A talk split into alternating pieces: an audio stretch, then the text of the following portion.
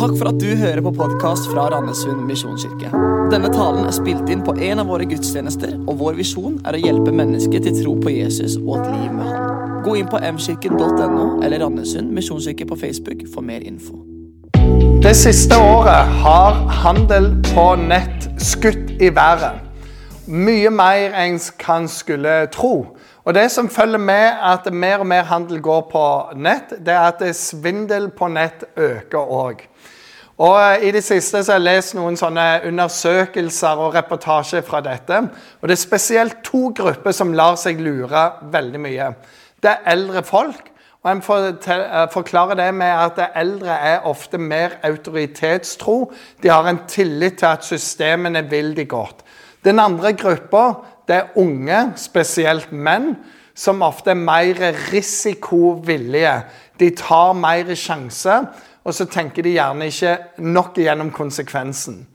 Før i tida så var jo gjerne eh, med sånn at eh, eh, du har en ukjent slektning en eller annen plass i verden. Hvis du bare gir opp personnummeret ditt og kontonummeret ditt, så sender vi deg 20 millioner dollar. Og noen gikk på den, men nå er det mye mer utspekulert. Det er sånn, det er en eh, Pakke på vei til deg i posten, men du må betale postoppkravet på 20 kroner.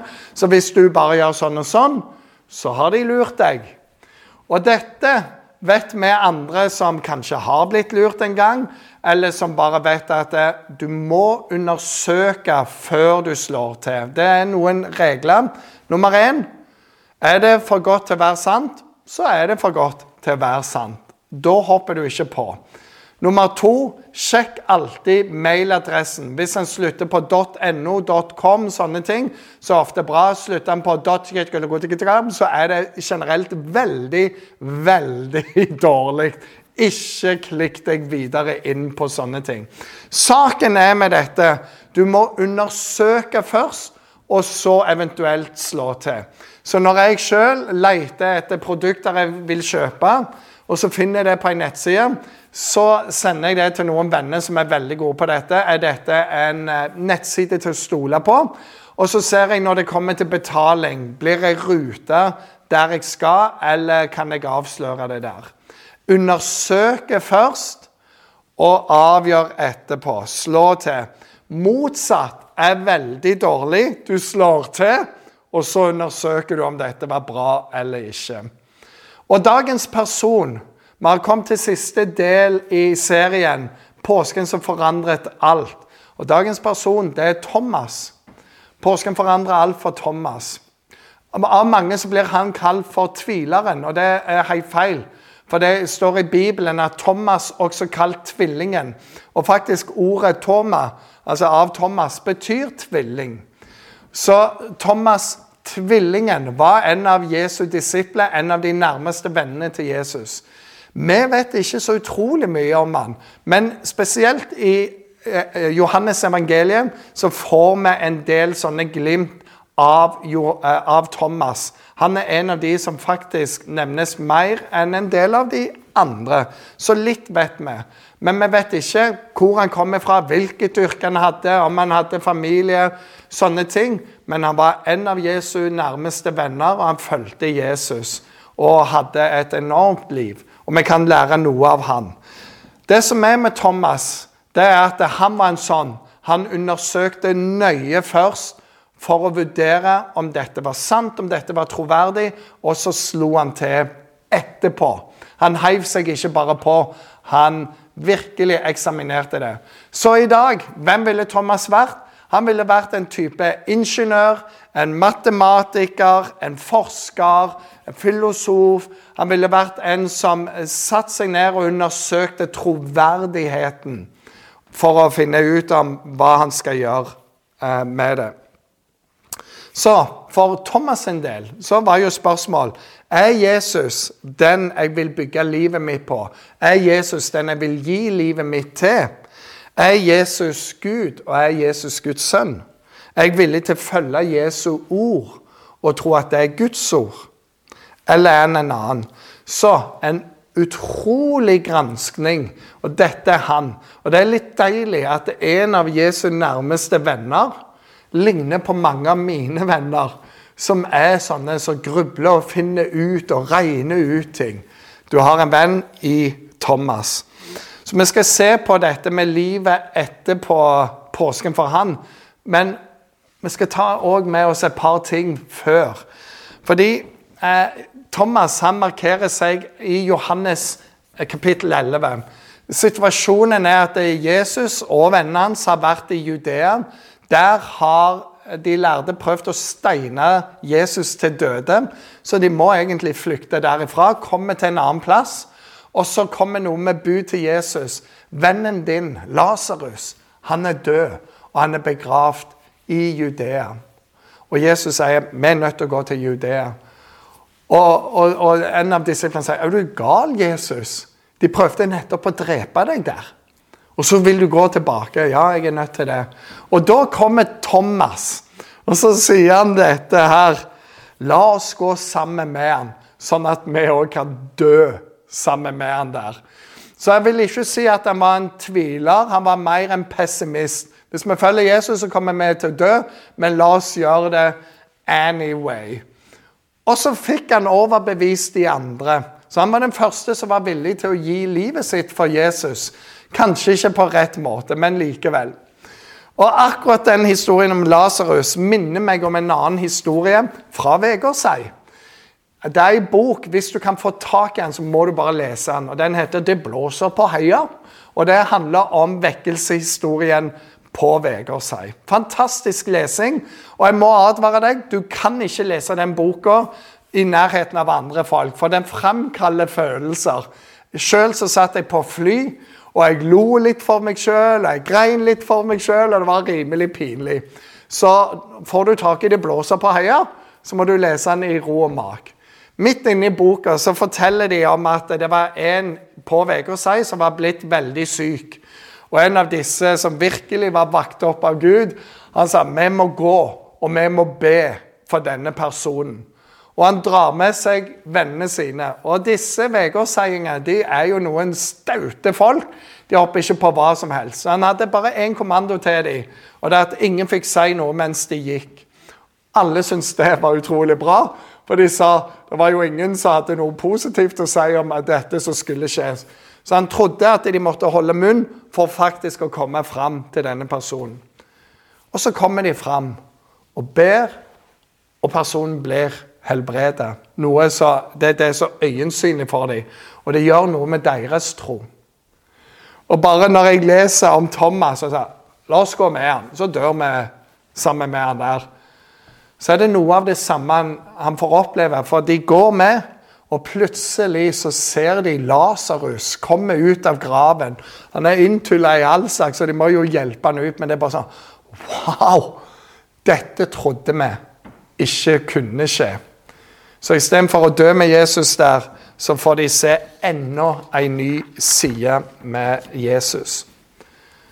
Den neste tingen, og det er en sånn stor ting for meg òg, og det er at det spørsmål er fantastisk. Og hvis vi kan lære oss at spørsmål er vår venn, så er det bra. Jeg husker f.eks. jeg var i Manchester. Eh, det var noe som heter Global Leadership Summit. Og De hadde samla kristne ledere fra hele Europa. Vi var ca. 1000 stykk der. Bill Hybels var over fra Willow Creek. Og vi hadde en såkalt Q&A, spørsmål og svar. Og Han kommer inn og så sier han, kvaliteten på denne seksjonen den avgjøres av kvaliteten på deres spørsmål. Så hvem vil være først? Da har han lagt en nokså høy list. Og hvem var først til å stille et spørsmål? Selvfølgelig jeg var der. Og så hadde vi en sesjon der. Men jeg har tenkt på det. Kvaliteten på et spørsmål gir òg kvaliteten på svaret. Og så er det sånn at når jeg studerer Thomas, så vågte jo han å stille spørsmål som ingen andre vågte å stille. Det lærer oss at du har lov å stille Jesus spørsmål. Leser du i Salmenes bok, så vil du se at der er det mange spørsmål til Gud. Og Gud tåler det. Gud tåler dine spørsmål. Faktisk er det sånn at det er noe av det største gullet som vi har i Bibelen, det kommer som et svar på at Thomas stilte spørsmål. Vi leser Johannes kapittel 14 at Jesus han eh, forteller om at han skal gå og stelle i stand en plass for alle oss. Og Det er da vi leser i vers 5. Thomas sier til Jesus, 'Herre, vi vet ikke hvor du går. Hvordan kan vi da vite veien?' Jesus sier, 'Jeg er veien, sannheten og livet. Ingen kommer til Far uten ved meg.' Har dere kjent meg, så skal dere også kjenne min far. Fra nå av kjenner dere ham og har sett ham. Thomas stilte et spørsmål for å få et svar. Han lurte på noe. Og Jesus brukte anledningen. Og Dette har jeg prøvd å anvende i mitt eget liv. Av og til så får jeg noen spørsmål som jeg kjenner det er urettferdig, det gjør meg sint. Ja, Når skal du få høre? Så stiller sånn. Av og til kan jeg oppfatte spørsmål som frekke, upassende, angripende og hva som helst. Av og til er det fordi jeg faktisk det. Folk prøver å angripe meg med det. Men mange ganger så er det kanskje jeg som har misforstått litt. Jeg er litt trøtt, eller jeg er på et sårt punkt. Eller folk bare sier ting litt hardere enn de tenkte det. Og uansett hva det er, så har jeg prøvd å lære denne greia her at spørsmål er først og fremst en mulighet til å forklare og fortelle. Og jeg prøver å etterleve det. Ikke alltid jeg lykkes, men jeg opplever faktisk at jeg blir bedre og bedre til akkurat det. Istedenfor å ta alt som et angrep, så kan jeg snu det og tenke ja, men her har jeg en mulighet. Og istedenfor å skyte noe tilbake, så kan jeg starte Så bra at du stiller det spørsmålet der. Det er sikkert andre òg som lurer på det. La meg bare forklare litt her. La meg fortelle litt rundt dette. Eller det kan være jeg merker at du har et engasjement i denne saken, og det liker vi. For vi har alle et engasjement. Grunnen til at vi avgjorde sånn som vi gjorde, er sånn og sånn. Og så plutselig så har du lagd en arena der du kan fortelle, der du kan føde noen tanker hos de andre. Og mer enn én en gang mens jeg tenkte det der var utidig av deg, men jeg har klart å gjort det, så har folk sagt takk, det var alt jeg lurte på. Og så går jeg etterpå. Huh, flaks jeg ikke bare booster ut med noe her. For da hadde jeg plutselig fått en fiende. Men nå har jeg faktisk fått en venn. Og, og alt de gjorde, var å lure på noe. Så i din neste situasjon Spørsmål er mulighet til å forklare og fortelle. Ikke ta det som et angrep. Og vi ser med Thomas. Han fikk lov av Jesus. Og du kan stille spørsmål til Jesus. Og lær deg dette. Et spørsmål gir deg muligheter du ellers ikke får. Vi fikk vite Jesus er veien, sannheten og livet, fordi Thomas vågte å spørre om det. Og Så skal vi gå til denne teksten, som er ofte hovedteksten, som du har hørt før i dag, eh, som er Johannes. Og vi leser det. Thomas, en av de tolv, han som ble kalt tvillingen, var ikke sammen med de andre da Jesus kom. Vi har sett Herren, sa de til ham. Men han sa, dersom jeg ikke får se naglemerkene i hendene hans og får legge fingeren i den og stikke hånden i siden hans, kan jeg ikke tro. Åtte dager senere er disiplene igjen samlet, og Thomas var sammen med dem. Da kom Jesus mens dørene var lukket. Han sto midt iblant dem og sa, 'Fred være med dere'. Så sier han til Thomas, 'Kom med fingeren din.' Se, her er hendene mine. Kom med hånden din og stikk den i siden min. Og vær ikke vantro, men troende. Min Herre og min Gud, sa Thomas. Jesus sier til ham, fordi du har sett meg, tror du. Salig er de som ikke ser, men likevel tror. I vers 25 så leser vi det at vi har sett Herren, sa de til han. Og Det som er i denne teksten, det indikerer at Først så prøver en å fortelle 'Vi har sett Herren'. Og så ja, det tror jeg ikke. Ja, 'Jakob, kom og fortell. du.' Vi har sett Herren, og han gjorde det og det og det.' jeg vet ikke. Ja, 'Peter, kom og fortell, du, da. Han tror jo ikke.' Du, vi har sett Og hele flokken, om igjen og om igjen, så bare forteller 'Vi har sett Herren. Du må tro på dette.' Og Thomas klarer ikke å falle til ro med det svaret, til tross for alle vitnene. Og greia med Thomas er skal jeg tro så må jeg oppleve det sjøl. Jeg kan ikke leve på et vitnesbyrd ifra andre. Jeg må ha en erfaring sjøl. Troen må bli personlig. Det må være ditt møte med Jesus, ikke de andre sitt møte. Hvor det erfares, og det må være min tro, min, min erfaring. De andre sin erfaring kan styrke min tro, men kan ikke erstatte min tro. Kan ikke være istedenfor. Og det er òg noe for oss. Det er å undersøke og undersøke og undersøke. Det er sånn, Der er det. Å komme inn for Gud og virkelig være der og si 'Jeg trenger dette møtet'. Det er flott med vitner, men det er min tro. Og I vers 27 så står det at Jesus sier til Thomas 'Kom med fingeren din'. Se, her er hendene mine. Kom med hånden og stikk den i siden. Vær ikke vantro, men troende. Min Herre og min Gud, sa Thomas da. Greia er at antageligvis så stakk ikke Thomas hånda inn i såret til Jesus i det hele tatt. Troen kommer ikke av at han gjorde noe fysisk. Troen kommer av at Jesus sier dette. Han kommer inn i rommet, hvilket er helt overveldende. Dørene er lukket. Bom, der er han. Det er så science fiction og fantasy eventyr så det går an. Men det er ikke det som overbeviser han. Den å si 'Thomas, kom'. Og Det er noe med dette Jesus sier, som sier 'Du vet alt'. Du vet hva jeg har sagt, du vet hva jeg trenger. Og Jeg tror det er det som gjør at han knekker. Og Det blir hans personlige erfaring med Jesus. Og Han er den eneste som sier 'min Herre, min Gud'. Og for en jøde å si noe sånn, det var blasfemisk. Det var verdt å steines til døde for. Med mindre da Jesus faktisk var det. Men her har du en ingeniørtype. En som er nødt til å pusle dette sammen. Se at bevisene stemmer. At alt stemmer til sammen. Og når det gjør det, så kom han til dette. Min Herre og min Gud. Det blir en overbevisning. Alle vi som tror, kan tvile. Det er normalt å tvile. Og det er ikke bare med troen.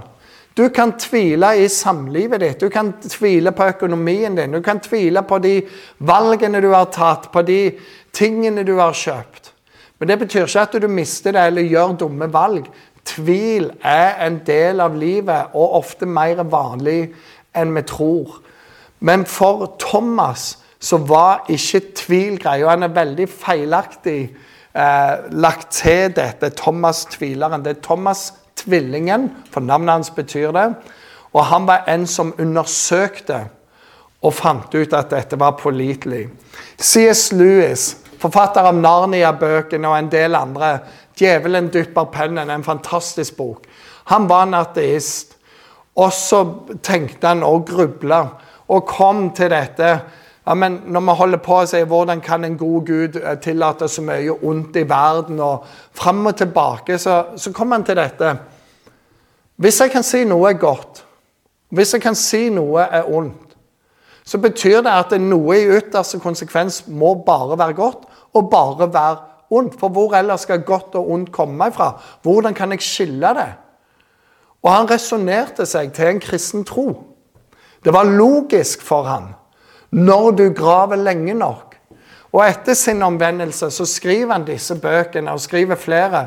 Og det er noe mesterverk som du må lese hvis du ikke har lest dem. Det er en annen òg som er, har vært senere, heter Lee Straubel. Han var journalist, New York Times, ateist på sin hals. Og så begynte han òg å grave.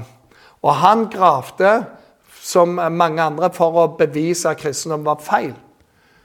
Men når han hadde gravd lenge nok, så, så kommer han òg til en overbevisning. Han har skrevet flere bøker. 'Saken gjelder tro' er en av de. Og i, denne boken så skriver han en sånn bevisførsel, en slags apologetikk, gjennom hele boken for at Jesus virkelig er Guds sønn. Og I siste kapittel så skriver han dette. Om jeg nå kunne bevise alt for deg. Alle dine spørsmål. Dokumentere, sånn som jeg egentlig har gjort gjennom boka her. Og det fantes ikke fnugg av tvil om at Jesus har levd, Jesus er Guds sønn og den eneste veien til himmelen. Ville du da likevel trodd? Eller er det sånn, sier Strawbell i sin bok, at grunnen til at du stiller spørsmålene, er at du ikke vil tro? At du ikke vil det skal være sant? Hva er egentlig saken? Thomas han ga det et ærlig forsøk, og han landet. Det er et bibelvers jeg liker utrolig godt. Jesus sier det. Dere kan ikke tjene to herrer. Du kan ikke både ha mammon, altså penger, materialisme, og meg som Gud. Du må velge en av oss. Hvem skal definere livet ditt? Hva skal du ta prioriteringer ut ifra? det går ikke an å si at jeg er kristen i kirka og business på jobb. Det er noe som influerer hvor enn du er. Kristus enten herre overalt, eller så er han ikke herre i det hele tatt. Og Så legger han til på det. Du kan ikke tjene både mammon og Gud. Så sier han du vil elske den ene og hate den andre. Eller foretrekke den ene og forakte den andre. Og Der har du òg litt forskjell på oss mennesker. Noen er litt pasjonsstyrt. Og For pasjonsmennesker så er det ekstra viktig å undersøke litt mer, så det er ikke bare følelsene du går etter. For følelser kan du ikke bygge livet på. De er bare fantastiske når de er gode, og de er pyton når de ikke er gode. Men du kan ikke bygge eh, livet på følelser. Elske og hate de har ofte en sånn valør. Men så har du disse som foretrekker forakten. Det er de menneskene som tenker mye, som pusler mye med spørsmål. Og det, det som er utfordringen hvis du er en av de, det er at du må lande. Du kan ikke bare la alt sveve der. Du må lande noen ting. Noen byggesteiner må det være. Og det vi lærer av Thomas, det er nettopp dette. Han undersøkte det nøye. og Han fant at Jesus var verdt å følge. Så etter dette, hva skjer med han? Jo, Ifølge historien så reiser han helt til India. Bygger menigheter, lever der resten av livet. Cirka når han er 72 år, så får han et spyd gjennom seg. En som dreper han for troens skyld. Han levde resten av livet i tjeneste for Herren og brakte evangeliet langt utover. Så undersøk nøye. Er Jesus den han sier? Er han verdt å gi livet sitt til? Og er han det, så inviter han inn til deg sjøl. Inviter han inn i livet ditt. Hvordan kan du invitere Jesus inn? Du ber en enkel bønn. Og den kan være sånn som dette. Jesus, jeg tror på deg. Og jeg inviterer deg inn i livet mitt som frelser og som herre. Fra nå av så vil jeg følge deg, lære av deg og leve for deg. Og takk for at du tar imot meg. Og så sier du amen. Da har du invitert han inn. Og så finner du et fellesskap med troende, blir en del av det. Og fortsetter å la Jesus fylle deg. Lære mer om han stadfeste, grunnfeste, fordype. Så Thomas, han er ingeniøren. Og det er plass til de som stiller spørsmål. Og de som stiller gode spørsmål, de får disse gullaktige svarene som går i generasjon etter generasjon. Skal vi be. Herre Jesus, jeg takker deg for påsken forandrer alt, og for Thomas. Jeg takker deg for at han undersøkte. Han hadde en tiltro til deg veldig tidlig. Var villig til å dø sammen med deg tidlig. Men etter oppstandelsen og etter møtet han fikk med deg, så var det en annen kraft som var i han. Han var overbevist. Han hadde svarene på alt han trengte. Og du hadde møtt han i dypet. Og så ble han trofast i tjeneste resten av livet sitt. Reiste med evangeliet til nye folkeslag. Og vi har spor etter det den dag i dag. Herre, må du hjelpe oss at vi grunner på ditt ord. At vi undersøker. Og at vi undersøker for å finne svar. Og når vi finner svar, at vi lar oss overbevise. Jeg ber om det i Jesu navn. Amen.